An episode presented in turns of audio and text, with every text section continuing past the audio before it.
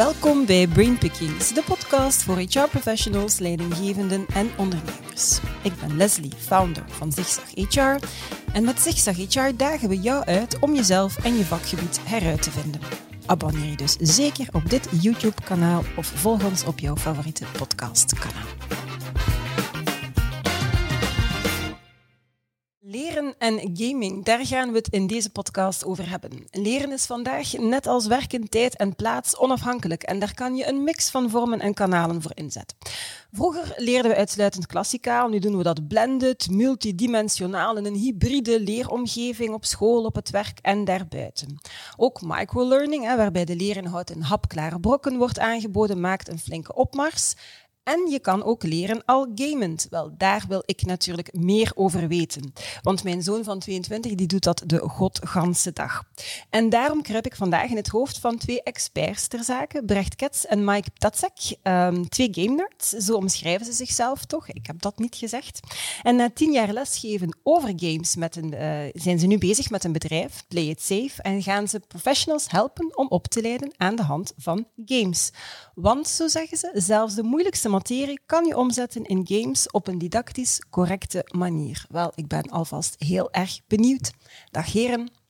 Goedemorgen. Welkom, zo mooi in koor.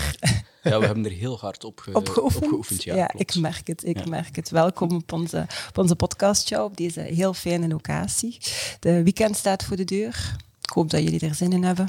Klopt, klopt. Eh, het is niet noodzakelijk barbecue weer, maar toch, we hebben er altijd zin in. Oké, super. Goed, dan um, stel ik voor dat we er gewoon meteen gaan, uh, gaan invliegen. Hè. Experience Game-Based Learning, dat is, uh, dat is de leermethode die jullie inzetten en die werkt um, beter en sneller en is meer engagerend. Dat hebben jullie mij verteld. Wat mag ik daar dan eigenlijk heel concreet onder verstaan? Game-based learning. In welke mate verschilt dat bijvoorbeeld van e-learning? Game-based learning onderscheidt zich van e-learning doordat het uh, veel interactiever is. Mm um, dus hoe moet je Play It Safe voorstellen? Het is effectief een game. Je wordt eigenlijk gedropt in een bepaalde situatie mm -hmm. en daar gaat iets gebeuren en jij als speler moet daar eigenlijk uh, ontdekkend op gaan uh, reageren. Mm -hmm. een voorbeeld kan zijn, wij staan allemaal samen te praten, iemand valt flauw. Uh, ja, goed, wat moet ik gaan doen? Dus ja. die volledige situatie moet je zelf gaan doen en zelf interactief gaan, gaan uh, beleven. En dat is uh, totaal anders dan. Een groot verschil, inderdaad. Zeg, en waarom werkt die manier dan, dan beter en sneller? En kunnen kun dat dan ook bewijzen? Ja, we hebben eigenlijk een onderzoek gedaan, al zes, zeven jaar geleden. Dat was toen de eerste case, en dat was brand voor de zorgsector. Mm -hmm. En daar was een PhD-studie van de Universiteit van Gent aan uh, verbonden. En daar zagen we eigenlijk al, als we mensen in een klaslokaal steken met een tablet, in vergelijking met een conventionele klas daarnaast, dan scoort die eerste klas 30% hoger op het examen nadien. Oh. En dat is omdat we heel wat zaken uh, gaan aanbieden aan de hand van simulaties. We gaan echt simuleren. Dus ja. het, het, leren zit in het woord van simulatie, ja. simuleren. Um, en maakt dat je veel grafischer, interactiever uh, gaat werken, zoals Brecht zegt. Hè. En dat is toen ja. met de PhD al aangetoond dat die kennisoverdracht, dus de informatie naar de hersenen krijgen, mm -hmm. dat die al 30% hoger was. Zeven jaar geleden al, in ja. de eerste versie van onze app. Oké, okay, en ondertussen is er inderdaad heel veel geëvolueerd, kan, Klopt, ik, me, ja. kan ik me inbeelden. Dus mensen leren sneller en beter aan de hand van games. En jullie hebben daarvoor een, een contentplatform uh, gebouwd. Ik, ik, herinner me dat jullie dat beschreven als een beetje een, soort Lego-doos, uh, waarbij met, met, heel veel blokken en voor elke organisatie gaan jullie eigenlijk een, een, een, nieuwe, ja, een, een, nieuw huis, bijna een nieuwe omgeving op maat gaan, uh, gaan bouwen. En voor de inhoud van de opleidingen werken jullie dan samen met inhoudelijke experten. Focus van vandaag zijn opleidingen veiligheid en preventie, heb ik begrepen. Een niche, vandaar play it safe, vermoed ik dan. Um, en in plaats van eerst een opleiding te volgen in een classroom setting, kunnen ze dan met play it safe een game spelen in een omgeving, uh, dat ze ondertussen eigenlijk de, de, vaardigheden kunnen trainen die ze dan gaan nodig hebben. Ja, ik ben natuurlijk heel benieuwd. Maak dat dan eens heel concreet. Hoe ziet dat er echt uh, uit? Wel, er zijn een paar zaken. Hè. Uh, enerzijds, onze focus is inderdaad uh, play it safe, is veiligheid. Mm -hmm. Maar los daarvan gebruiken we datzelfde Lego-platform ook voor andere producten. Bijvoorbeeld mm -hmm. een play it first, wat dat dan specifiek op onthaal nieuwe medewerkers okay, okay. Uh, mm -hmm. gaat. En dan maakt eigenlijk allemaal gebruik van het Play It-platform. Het Play It-platform is inderdaad een grote Lego-doos waar dat wij heel veel interacties kunnen gaan hergebruiken. En als we even teruggaan naar, uh, naar Play It Safe. Uh, Play It Safe is eigenlijk een, een, een contentplatform uh, waar dat wij een hele catalogus van opleidingen hebben.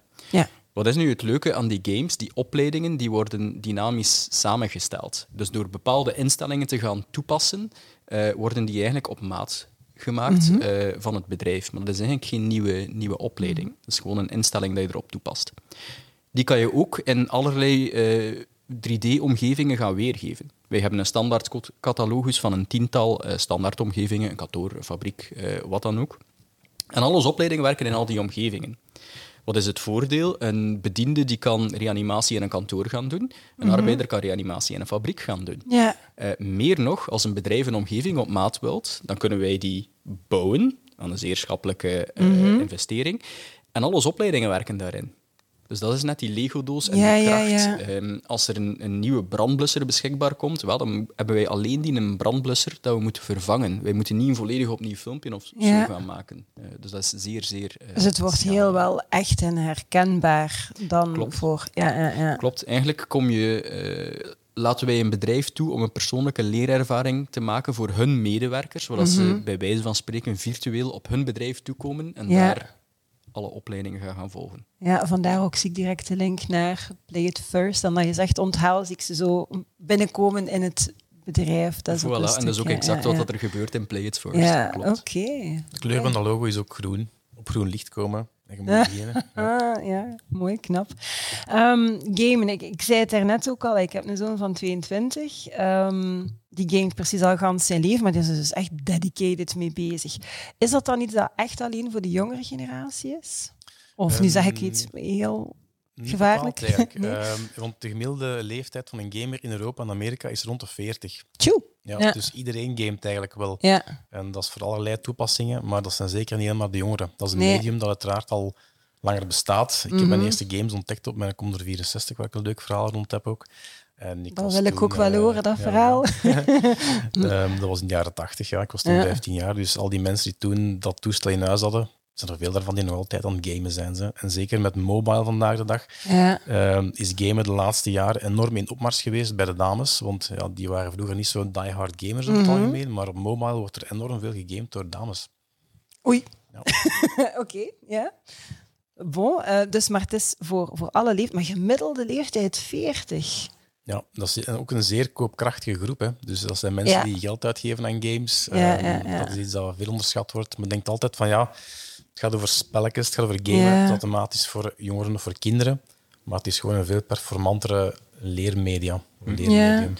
Plus bij games denkt iedereen altijd aan de 16-jarige die op zijn PlayStation Call of Duty zit te spelen. Maar dat is het nu ook niet. Eh, Er zijn heel veel mensen die Bejeweled spelen op hun telefoon.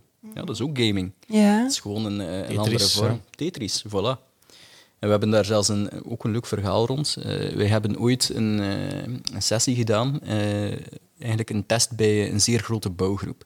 Dat waren duizend mensen die we op een, op een veiligheidsdag wilden laten, laten spelen, laten kennismaken met games. En ik weet nog goed, er was een, een oudere man, ik hoop dat hij ongeveer 64 Zou Mhm. ja. die naar ons kwam. En het eerste wat hij zei was: Ik speel geen games, chef. Oké, ja. Duidelijk. Een beetje op het gemak gaan. Ja. We hebben een foto van die mens nog geen drie minuten later. Dat is Ja. echt fantastisch om te zien. Eh, Ja. die, die staat te lachen, die is bezig met dat spel. Dus ja, wij bouwen geen games voor 16-jarige, Nee. eh, voor echt 16-jarige hardcore gamers. Wij, wij Nee. op die massa en ja, dat lukt wel. Zeer laagdrempelig. Het is ook key bij ons dat dat echt pick-up and place voor iedereen. Je moet echt geen gamervaring hebben. Ja, Je moet ja. gewoon die tablet vastpakken. En Lisa, onze virtuele coach in spel, zij pakt jou mee op sleep. Neemt je mee. Ja. ja, het is toch inderdaad wel een belangrijke, omdat ik me kan inbeelden dat misschien bij een aantal bedrijven ook wel dat vooroordeel leeft van dat is alleen maar voor de jongere generatie en de rest die gaat daar niet mee gediend zijn of die gaan dat niet willen doen. Dat is eigenlijk een verkeerde veronderstelling dan. Ehm, Maar misschien moet Mike zijn Ja. verhaal nog vertellen. ja, Oh ja, Ja, want je- geeft hier- tijd. ja, Ik heb ja. Even de spanning aangehaald. Maar eh, ik had toen eigenlijk al door dat ik aan het leren was op mijn eh, Commodore. Ik was toen eh 13, 14 Mhm. jaar, eind jaren 80. Eh er was geen internet of niks. En de games dat ik speelde, dat waren typische tekstavonturen games in het Engels. Dat waren spannende verhalen. Dat ging toen over Dracula met vampieren en zo. Dus ik moest die tekst lezen. En bij gevolg moest ik eh, commando's ingeven waar ik naartoe wou gaan in dat verhaal. Dat was allemaal Ja. in het Engels. Mhm. Maar ja, ik was 13, 14 jaar, eind jaren 80. Ik had nog geen Engelse les gevolgd zelfs. Maar naast mij lag er op mijn bureau het woordenboek Engels-Nederlands. En dat was met een tool om in dat spel verder te geraken. Dus mijn driver was voor mij persoonlijk ik wil verder geraken in dat spannende verhaal. Dat is voor mij persoonlijk mijn, mijn driver, mijn drang. Wat heb ik daarvoor nodig? Engels. En dat woordenboek lag daar om verder te geraken in dat spel. Dat lag niet daar omdat ik Engels wou leren. Dat was mijn bedoeling niet. Maar de Engels ging wel binnen als zoete koek op dat moment. Ik was tegen een super tempo Engels aan het leren, maar ik was ja, bezig met een verhaal. Ja. Dat is een van de zoveel drivers in gamification. Uh, ja, knap. ja. ja. als we dat wat meer zouden inzetten in andere contexten, onderwijs en bedrijfsleven, zou het... Uh zou het anders kunnen, uh, kunnen lopen. Hè? Ja, dat was onderbewust. Ik had dat zelf niet ja. Ik was gewoon altijd bezig en ik was Engels aan het absorberen. Ja. Uh, en als je de mensen daar krijgt, dat is zo de golden apex. Uh, ja. Dan kun je echt heel veel informatie binnenbrengen. Ja, we hebben er ook nog een foto van, van Mike die dat effectief ja. Dus die gaan we dus ook moeten delen. Voilà, misschien moeten we een e-mailadres aanmaken waar mensen dat kunnen aanvragen. Ja, dan gaat je naar een van mijn sessies moeten komen door de gamification. Die geef ik af en toe een keer. Ja. ik denk dat je iedereen heel benieuwd hebt gemaakt nu. Dus, uh, Oké, focus even terug op de opleidingen rond veiligheid en preventie. Ja, dat zijn bij uitstek opleidingen die medewerkers verplicht hè, dan, dan, dan moeten volgen. En waar dat ik mij dan kan inbeelden dat de motivatie misschien iets minder is en dat er al een keer vlugger doorgeklikt wordt dus dat is het eigenlijk ook niet echt hè, bekijken met alle gevolgen van die naar arbeidsongevallen. Um, want wat ik ondertussen ook al heb, heb, heb eh, ondervonden, is dat ervaren professionals zichzelf overschatten. En dan denk ik, oh, dat is wel geen probleem meer voor mij, terwijl dat minder ervaren professionals zich vaak gewoon niet bewust zijn hè, van een aantal uh, risico's. En als ze dan die informatie op een andere manier binnengekregen hebben, zijn ze 9 op 10 de helft wel al vergeten. Hè? Waarom zorgt jullie oplossing er dan concreet voor dat er, om het nu even uh, naar resultaten te vertalen, minder arbeidsongevallen gaan zijn? Wel, eh, een van de grote, even een stapje terug omhoog. Mm Een van de grote zaken die uh, moeilijk zijn aan veiligheidsopleidingen, is dat heel veel mensen daar geen intrinsieke motivatie voor mhm. hebben. Dat is iets die bij de job komt. performance gaat vaak voor preventie jammer genoeg. Mhm. Ehm, en het grote probleem daarmee is, als je geen uh, intrinsieke motivatie hebt voor iets, dat heel veel leertriggers niet werken. Mhm. Want dat gaat altijd uit van een vorm van motivatie. En wij lokken ze eigenlijk van een andere reden. Uh, wij zijn, uh, lokken ze omdat het, omdat het een game is, omdat het fun is, omdat ze punten kunnen verdienen, mhm. omdat ze zich kunnen gaan meten met collega's. Soms doet een bedrijf daar zelfs een extra prijs bij. En terwijl dat ze bezig zijn, zijn ze uh, eigenlijk aan het leren. Uh, En Mike heeft daar altijd een vrees mooi uh, voorbeeld van, van zijn zoon die weet wat dat de perfecte legering is om een, om een zwaard te gaan maken. Niet omdat hij daar veel interesse in heeft, maar omdat dat mhm. wel het beste zwaard in het game is. Aha, ja. dat is eigenlijk een stuk ja. van de reden. Um, een tweede reden waarom dat, wij ervoor zorgen dat die ongevallen effectief verminderen, is omdat er geen ehm, overdracht nodig is van theoretische naar uh, praktische kennis. Mm Wij steken mensen in situaties. Het is niks virtueel. We steken mhm. ze daarin, meer nog, daar moeten ze actief op gaan, uh, op gaan reageren. Als je iets actief doet, ja, dan zijn er meer mee bezig dan dat je passief naar iets zit, uh, zit, te gaan kijken. Ja, ja, ja. En de derde reden is um, dat we het eigenlijk een soort als microlearning aanpakken. Dus mensen gaan in blokjes van vijf minuten gaan trainen over langere termijn. Mhm. En als je gedrag wilt veranderen, is herhaling ongelooflijk belangrijk. Ja, ja. Um, dat weten jullie, want jullie komen uit het onderwijs. Ja, dat klopt. dat weten jullie natuurlijk als geen ander. Dat zijn verschillende ja. in één klap eigenlijk. Hè? Ja. dat klopt. Ja, maar inderdaad, heel, uh, heel helder toegelicht. Dus ja, dan minder arbeidsongevallen door compliance-opleidingen efficiënter, effectiever, meer engagerend te maken. Dat is al een eerste reden hè, om, om, om games in te zetten. Welke andere problemen waar de organisaties vandaag de dag mee struggelen, lossen jullie bijvoorbeeld nog op? We zien dat opleiden uh, zeer complex is binnen organisaties. Mhm. Enerzijds bijvoorbeeld de retail in België. Die mensen zijn verspreid over verschillende cities, spreken verschillende talen, uh, verschillende uurroosters die allemaal naar een opleidingscentrum krijgen. Dat is logistiek complex. Mm Gaat die mensen uit hun werkveld wegtrekken, wat dan maakt dat op dat moment geen productie is, of in de retail misschien rekening meer bijgevuld worden. Dat is rechtstreeks een impact op omzet. Dus dat is een eerste groot probleem dat we zien. Een tweede uitdaging dat we uh, veel opbotsen, dat is dat we ja, merken dat opleidingen op conventionele manieren, uh, dat dat blijkbaar voor veel bedrijven vandaag niet meer werkt. Hè. Um, mm. We hebben een Recticel, dat we, uh, een Borealis, die hebben nu een life-saving rules of een golden rules. Wel, blijkbaar krijgen ze die niet aan de man op de klassieke leermethodes. Zeker als je daar nog een keer de covid-situatie bij smijt, die opties of die lessen in praktijk kunnen niet meer doorgaan. Um, en compliance is nog een vierde luik. Ja, hoe gaan we gaan mhm. bewijzen dat mensen die opleiding effectief gevolgd hebben en dat ze het ook effectief kennen met inzicht? Want als je mensen in een klaslokaal steekt, ja, ze tekenen daar de aanwezigheid en ze zijn weg. Ja. Maar die een trainer weet eigenlijk echt niet wat er allemaal in de hoofden van die mensen geraakt is. Ehm, en dat is ook een uitdaging die wij aangaan. We maken dat alles wat er in het spel gebeurt getracked geraakt en Ja. alles ehm, in statistieken gegoten wordt. Dat eh, trainers effectief inzicht krijgen in de preventiekennis van hun personeel. Het is ook een ongelooflijk complexe situatie. Hè. Als je kijkt naar dat voorbeeld van, van Borealis en Recticel, ehm, stel je voor dat er iemand naar u komt en zegt van goed, wij hebben 7.000, 8.000 medewerkers, die zijn verspreid over 50 sites, 20 landen. Jij moet die opleiden uniform, over verschillende culturen, talen, Pff, begint er maar aan. Dat is, eh, dat is Ja. niet gemakkelijk om te gaan doen. En jullie komen met de Wij oplossing. komen natuurlijk met de daarvoor. oplossing, ja, Ja. dat klopt wel. Oké. Ja. Ja. maar inderdaad, ik kan er mij een, een, een, een heel goed eh, beeld bij, bij vormen. En zeker ook in het, het voorbeeld van retail dat je dan in het begin ook aanhaalde. Mensen die verspreid en effectief, je kunt ze niet zomaar ook even gaan, gaan, gaan weghalen. Hè. Het heeft een directe impact op je, op je omzetcijfers. Je kunt ze niet uit de productie ehm, halen. Ik ben eigenlijk ook heel benieuwd naar, eh, naar jullie visie op, de, op, op leren en op de toekomst eh, van leren. Want ehm, wat ik gelezen had, is als we niet opletten, kan het gebrek aan lerend vermogen het analfabetisme van de 21ste eeuw worden, op individueel niveau. En organisaties die niet inzetten dan op stimuleren van leren, ja, die gaan dan met werknemers zitten die totaal niet wendbaar genoeg zijn, met alle gevolgen van dien voor de organisatie. Ja, volgens mij heeft iedereen ondertussen wel door dat leren zo belangrijk is, maar toch wordt er nog altijd niet echt zoveel geleerd als zou moeten. Ehm, welke tendensen zullen volgens jullie de komende jaren aan, naast gaming, aan belang eh, winnen? En, en welke zaken zijn we misschien echt volgens jullie helemaal klaar mee? Wat gaat er helemaal uit als het gaat over leren? Glazen bol.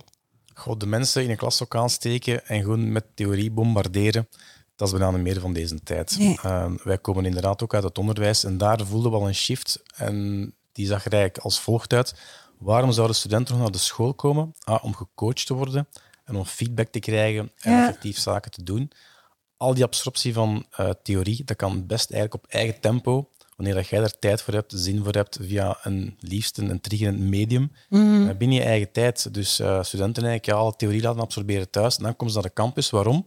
Om feedback te krijgen en gecoacht te worden. Dat is nog een andere value. Dat is een shift die volgens mij Ja, eh, zeker ook gaat gebeuren. in onderwijs, maar ook in het bedrijfsleven dan. Dat vermoed ik eh, Ja. toch wel, ja. Ja, ik Ja. ben ervan overtuigd dat dat Ja. ook in het bedrijfsleven gaat gebeuren. Misschien voor een andere insteek. eh, gewoon omdat dat zeer duur is. Want eigenlijk betaal je gewoon iemand om constant hetzelfde te gaan zeggen Ja, in een groep mensen. En ten eerste, dat kost geld. Ten tweede, ik ken geen ene docent die dat echt leuk vindt. Wat vindt een docent leuk? Meerwaarde leveren. Die krijgt een Ja. groep voor zich, eh, weet de uitdagingen van die groep eh, zijn dit en ik ga mijn kennis gebruiken om daarop in te spelen. Mhm. Maar iedereen dag hetzelfde zeggen. Niemand doet dat graag. Niemand. Ja, dat is het eerste naar een opleiding gaan, dat is ook niet evident. Nee. Eh, je hebt daar soms geen tijd voor. Of je bent gestresseerd, of je bent niet in vorm, je komt in een klaslokaal terecht. Dat is inderdaad een kostelijke situatie. ja. Maar de student moet in vorm zijn, de leerkracht moet in vorm zijn. Dus je hebt daar geen garantie van kennisoverdracht, eh, Mhm. niet altijd. Dus eh, en het is een kostelijke situatie. Dat zijn twee zaken die, die jammer zijn. Hè. Je brengt ze Ja. aan daar, kost veel geld. En dan zit je nog met een situatie met ja, gelimiteerde kennisoverdracht. Ja, dat je inderdaad totaal niet kunt weten of dat ze er überhaupt iets mee gedaan hebben of, of zullen gaan, gaan toepassen. Nog trends of, of, of eh, dingen die jullie zien of die jullie graag zouden zien gebeuren misschien? Ik, wat dat er sowieso ook volgens mij gaat gebeuren, is dat er eh, meer gaat gekozen worden naar specifieke media voor specifieke doelen. Eh, Dus eh, waar dat nu heel vaak eh, in bedrijven dan toch gekozen wordt voor één oplossing, denk ik dat toch wel besef aan het komen is dat je de juiste tool moet inzetten voor de juiste, de, ja, het juiste probleem, laten we het zo zeggen. Ehm, want enerzijds bijvoorbeeld wat dat wij doen met games, wij leiden de massa op die geen opleiding krijgt. Maar dat wil niet zeggen dat je niemand meer naar opleiding wilt gaan sturen. Eh, Ja. Via blended learning wil je dan andere mensen andere oplossingen geven. En ik denk dat het veel gerichter gaat gebeuren. Ja. Waar dat nu gewoon is, ik moet compliance-gewijs een massa sturen en ze zijn afgevinkt. Ik denk ik dat bedrijven, of hoop ik dat bedrijven, dat veel gerichter gaan doen door eigenlijk een soort, ja, een soort funnel te gaan opmaken van Ja. wie kent wat, we gaan dat in kaart brengen. Op basis daarvan gaan mensen gericht in bepaalde journeys bijna gaan. Uh, Ja. ja, dat is ook een stuk de insteek van, van ons platform en waarom dat we uh, ook partners hebben om blended learning te gaan doen. Mm Dat je echt een lijst kunt krijgen van kijk, die groep mensen die, mij, die hier voor mij zit, die maken die fouten. Ah, dat is interessant, ik kan daarop inzetten als, ja, als trainer om gericht te gaan bijsturen. Als iedereen weet hoe dat... Uh, een brandblusser werkt, wel, dan moet je niet nog een keer uitleggen hoe dat die werkt. Steek dat in een ram dat ze dan een keer kunnen doen en ja. focust u op de problemen. Ja, ja, ja. Ja, oké, knap. Ik zie enorme efficiëntiewinsten dan als we het effectief op die manier zouden, uh, zouden gaan inzetten. Nog, ik blijf maar doorvragen. ik denk in, in, ons geval ook uh, verschillende media. Uh, Mike? Mm. Bijvoorbeeld iets waar wij heel hard op, op inzetten, dat is eigenlijk dat um, al onze opleidingen zijn uh, beschikbaar op alle platformen. Wat mhm. bedoel ik daarmee? Een gebruiker kan eigenlijk kiezen of dat hij speelt op een PC, op een tablet, op een gsm. Dat moet eigenlijk allemaal niet uitmaken. Uh, die opleiding uh, verandert daar niet voor. maar ook VR. Um, ehm, mm Dus onze opleidingen gaan zeer binnenkort, begin september, allemaal in VR te beschikking mhm. zijn. Onze dus eigenlijk deze maand dan? September is nog niet deze maand. Ah, is wel deze maand. Ja, is wel deze maand. Ja, ja. Voor de mensen die luisteren of kijken, deze podcast wordt de maand op voorhand ongeveer opgenomen. Ja, klopt, inderdaad. Dus bij deze zijn wij vandaag uh, eh, VR uh, eh, ready. Mhm. Ja, super. Um, klopt. Uh, en ik denk dat, of ik hoop dat die, dat die verschillende medium wel beginnen aan te slaan ook. Want we zien heel veel vraag bij bedrijven. Ja, doen jullie VR? Maar eigenlijk gebeurt er wel nog vrij weinig mee mm op dit moment. Ja, VR is nog te complex om te organiseren. Uh, dat wil zeggen dat je mensen nog altijd naar een locatie moet krijgen. Ja. Daar ligt dan een VR-opstelling. Daar moet meestal een begeleider bij zijn. VR is zonder twijfel zeer immersief, zeer mhm. interessant. Maar dat moet nog laagdrempeliger worden. Ehm, er zijn vandaag de dag al mobile VR-oplossingen die veel betaalbaarder zijn dan de zware installaties van een jaar of twee, drie geleden. Um, dat betekent dat bedrijven er ook meerdere gaan kunnen aankopen, bijvoorbeeld. Ja. Um, locatie onafhankelijk misschien kunnen gaan trainen in VR. Dus het gaat iets zijn dat de volgende jaren hopelijk een beetje openbloeit. Allee, ik vermoed dat denk ik VR in de opleidingswereld binnen een jaar of vier, vijf meer weg te denken gaat zijn. Bijna mainstream al zou kunnen zijn, maar dan moet er eerst inderdaad naar, naar, naar prijszetting, denk ik. Er zijn nog wel stappen ja, nodig. Ja, ja, langs de andere kant, als je, als je kijkt, een, een Oculus Quest, uh, eh, 350 euro. Mm. Dus dat is echt wel betaalbaar. Je hebt een standalone toestel. Um, content kost wel nog vrij veel uh, voor te maken, maar goed. Uh, wij hebben dat deze maand opgelost. ja, iedereen heeft eigenlijk een VR-device in zijn handtas of zijn broekzak steken. Uw gsm kun je gewoon splitscreen op renderen en dan ja. uh, kun je eigenlijk al in een cardboard uh, toch al een VR-experience ja, hebben. Ja. Ja, knap. Um, de rol van HR dan in, in gans uh, dit verhaal. Ik las recent nog een aantal kritische opiniestukken, vooral van Nederlandse leerexperten, onderzoekers, onder andere Nick van Dam, en dus voor mij toch wel een van de autoriteiten. En die zei, HR die denkt te vaak als mensen een opleiding volgen, dat ze effectief iets hebben geleerd. Een beetje wat dat mhm. jullie uh, effectief zeggen. Zeker verplichte opleidingen hebben een hoog uh, vinkgehalte. Op het certificaat staat eigenlijk dat ze de opleiding succesvol hebben bijgewoond. Mm Eigenlijk zeggen ze niet dat die cursist die, die, die, die, die kennis tot zich heeft genomen, laat staan dat hij ze dan ook gaat, gaat toepassen. Wat is de rol in gans dit verhaal van HR-professionals in deze? Hoe kan HR ertoe bijdragen dat het beter gaat? Wel, ik denk sowieso dat HR dat effectief ook wel wil. Mhm. Alleen, uh, als je bijvoorbeeld kijkt naar het wetgevend kader er rond, uh, bedrijven zijn verplicht om, mensen, om aan te tonen dat ze mensen opgeleid hebben. Mm Ehm, heel vaak aantonen dat mensen kennen, dat is nog iets anders. Mhm. Eh, zeker ook als, als je in België bekijkt, dat is echt absurd. Uh, als je kijkt naar de opleidingen om EHBO-hulpverlener te worden, dat wordt gedefinieerd in uren. Ja. Dus eigenlijk, als je daar rationeel over nadenkt, het is een idee van Mike dat ik nu volledig aan het stelen ben, maar goed. Um, eigenlijk is dat zeggen, om je rijbewijs te gaan doen, moet je zo lang in een auto gezeten hebben. Maar je moet er niet mee gereden hebben. Ze moet er gewoon in gezeten Ja. ja. De performantie van het leermiddel um, wordt ook helemaal niet in kaart gebracht. Je kunt je naar Brussel rijden, maar je kunt dat met een Ferrari doen of een 2 pk'tje. Hè. Allee, ja, Klopt. zijn totaal anders. Hè. Ja. ja.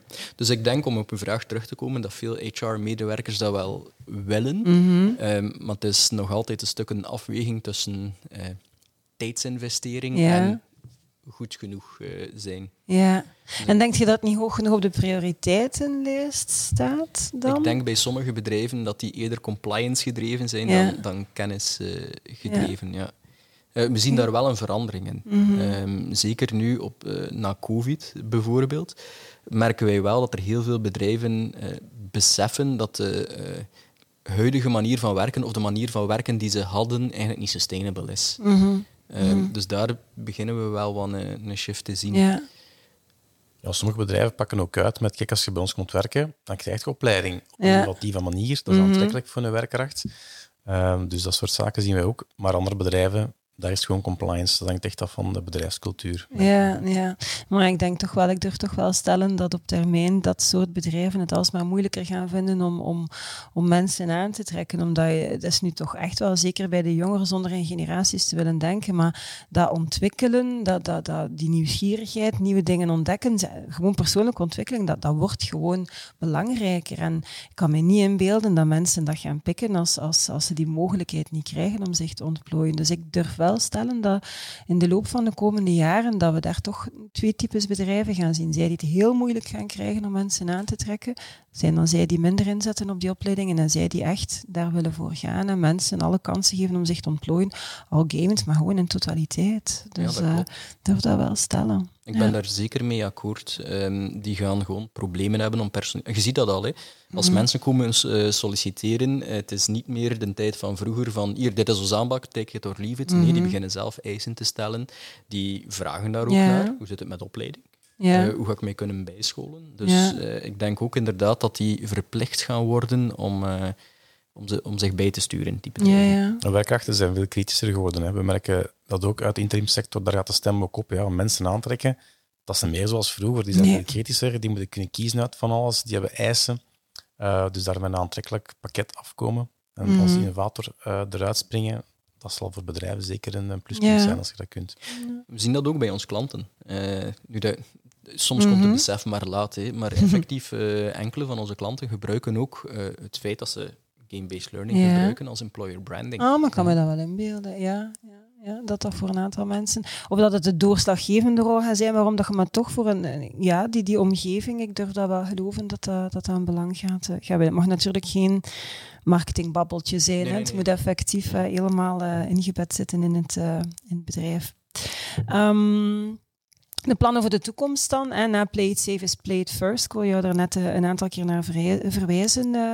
ja, klaar, of het is al klaar, of, of het, het is er al. Het is, het is klaar, ja. Het, is dus klaar. het wordt effectief al gebruikt op dit moment. Mm maar dat is even, in het begin van het gesprek had je het over die grote Lego-doos. En ja. dat is nu de sterkte van onze Lego-doos. We hebben daar jaren aan gebouwd en nu kunnen we eigenlijk zeer snel gaan, gaan schakelen naar nieuwe soorten producten. Mm Dat kan gaan opleidingen over uh, eh, GDPR en cybersecurity. Ja, ook heel belangrijk momenteel. Klopt, dus wij kunnen daar eigenlijk zeer snel ehm, verder aan gaan bouwen. En dat is de kracht van die Lego-doos. Hoe veel meer verschillende Lego-blokjes dat je hebt, hoe sneller dat je nieuwe dingen kunt gaan, kunt gaan, uh, kunt gaan bouwen. En dan zit de grote uitdaging bij Mike, die altijd uh, toffe namen moet verzinnen. Hè. die in het play-it-schema... Uh, ja. ja, sommige dingen die in mijn hoofd hangen op dit moment zijn uh, played as a leader. Daar gaan we een keer gaan kijken hoe we leiderschap kunnen gaan aanleren aan de hand van mm. simulaties en games. Interne communicatie hebben we ook al gedaan voor uh, klanten zoals De Lijs bijvoorbeeld, mhm. die naar een nieuw gebouw verhuizen. En die moeten heel het en zeilen op een efficiënte manier gaan overbrengen aan hun uh, werknemers. Van kijk, dat, dat is het nieuw gebouw.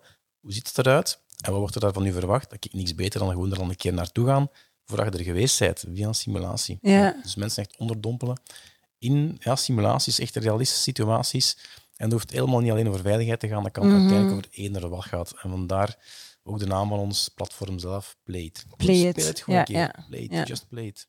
En de reden waarom dat jullie dan met, met, met Play It Safe begonnen zijn, is, is eerder toevallig. Een dan stuk historisch. ja. Toeval en, en historisch, ja. Want zowel Mike als ik, uh, je hebt het mooi verteld in uh, de introductie, wij zijn game nerds, wij zijn geen veiligheidsexperts, mm nooit geweest. We hebben ons wel geassocieerd met mensen die uh, kennis ter zake hadden. Maar terwijl dat we nog bij GoWest werken, was er eigenlijk een onderzoeksdossier, um, waar dat we brandopleiding in een ziekenhuis gaven aan de hand van een game. Daar is dan mhm. die doctoraatstudie op gebeurd. En daar is eigenlijk ook dat besef gekomen van ja, goed, hier zit eigenlijk wel iets in. Mhm. Ehm, en hier zit eigenlijk wel iets in die veel breder is dan, uh, dan, dan de veiligheidssector. Uh, dan de ziekenhuissector. Ja, ja. En toen is ja, Play It Safe eigenlijk geboren uh, met de specifieke niche van veiligheid. Want ja, als je een contentplatform wilt bouwen, dat is eigenlijk onze doelstelling. Mm Play It is een zeer groot contentplatform.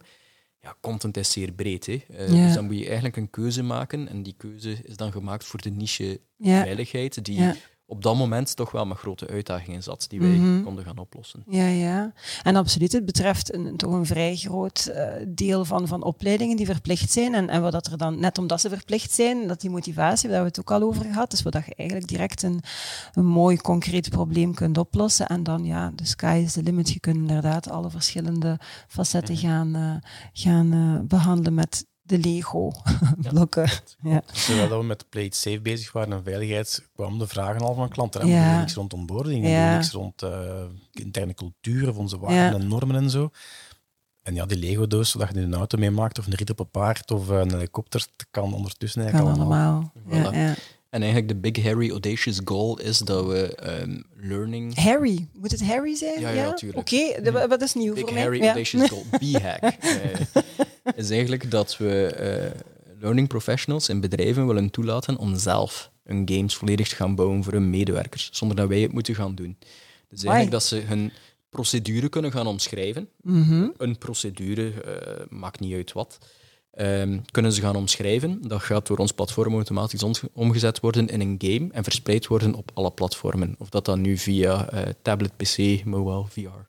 Maakt niet uit. Zij beschrijven de procedure en uh, dat game wordt automatisch gebouwd. Ja. ja. dat is hetgeen waar we naar, wow. naartoe aan het werken zijn. Ja, knap. Ja, echt wel knap. Nog plannen?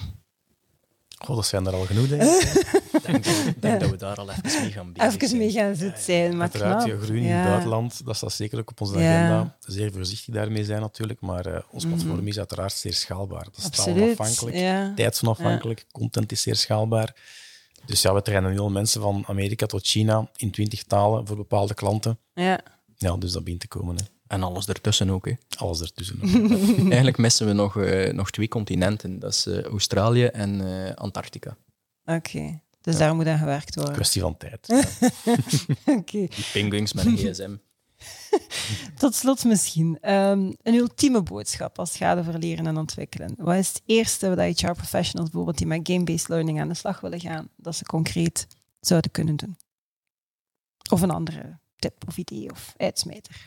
Ja, ik denk, maak als je opleiding aanbiedt, dat vooral zeer aantrekkelijk en begeesterend is. Uh, doe niet gewoon aan afchecken van kijk, we hebben mensen in een klaslokaal gestoken, met content gebombardeerd en we zijn klaar. Um, doe alsjeblieft iets waar mensen zelf naar willen grijpen, uit eigen goesting. Al is het inderdaad om in dat verhaal te kruipen, de collega te verslagen, punten te verdienen, maakt allemaal niet uit. Allemaal zaken rond gamification trouwens.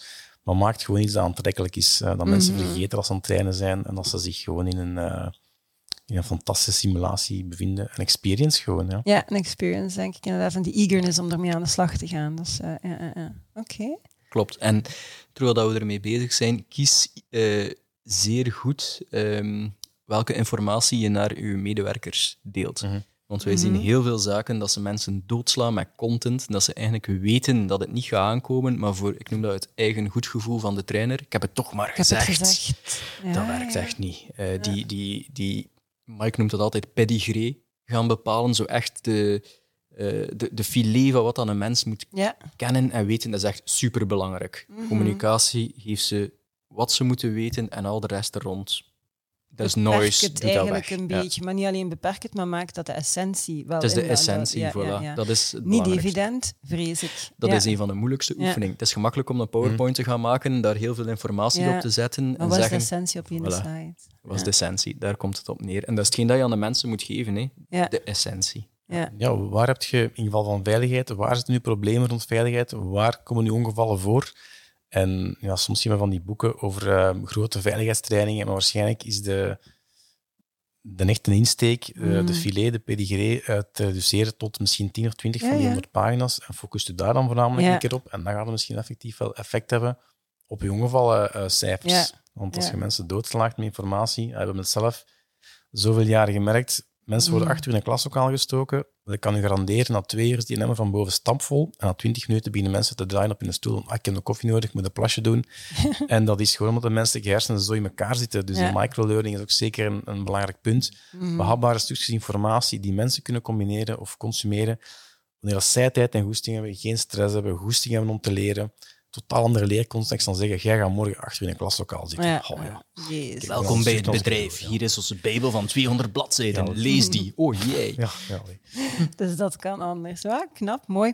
Ehm, Ik denk dat we hierbij kunnen afronden, tenzij Mhm. dat er nog iets is dat op jullie lippen brandt. Ik denk dat we het meest Denk het niet. eh, Ik denk dat we kunnen hè, Maar ik zou zeggen, proef een keer van gamification en Ja. games. Probeer zelf een keer uit. Je kan altijd bij Mhm. ons op eh, onze website terecht. Eh, Doe een keer een aanvraag. Ja. Je kunt vrij blijven een keer testen. En ga er inderdaad gewoon eens mee aan de slag en zie wat dat het kan betekenen voor jou. Dankjewel eh, dat ik in jullie hoofd mocht kruipen, bijzonder boeiend. Ik ben benieuwd of dat mij ook aan het gamen brengt, want ik ben dan blijkbaar een van die weinige vrouwen die nog niet gamet. Maar kijk, ik ga daar direct verandering De in uitzondering die de regel bevestigt. Altijd, dat ben ik. Super. Merci in ieder geval. Ehm dankjewel ook aan jullie om te, om te kijken of om te luisteren. Vond je deze podcast fantastisch? Vertel het dan natuurlijk aan zoveel mogelijk mensen verder. Ehm, binnenkort komt er weer een nieuwe aflevering aan. Dat wil je natuurlijk niet missen. Dus zeer belangrijk om jou te abonneren op dit YouTube-kanaal of op onze podcast. Je mag kiezen Spotify, Apple, Google, eh YouTube. Jij mag eh, zelf beslissen. Het allerbelangrijkste, dat weten jullie al. It's a great time to be in HR. Tot de volgende.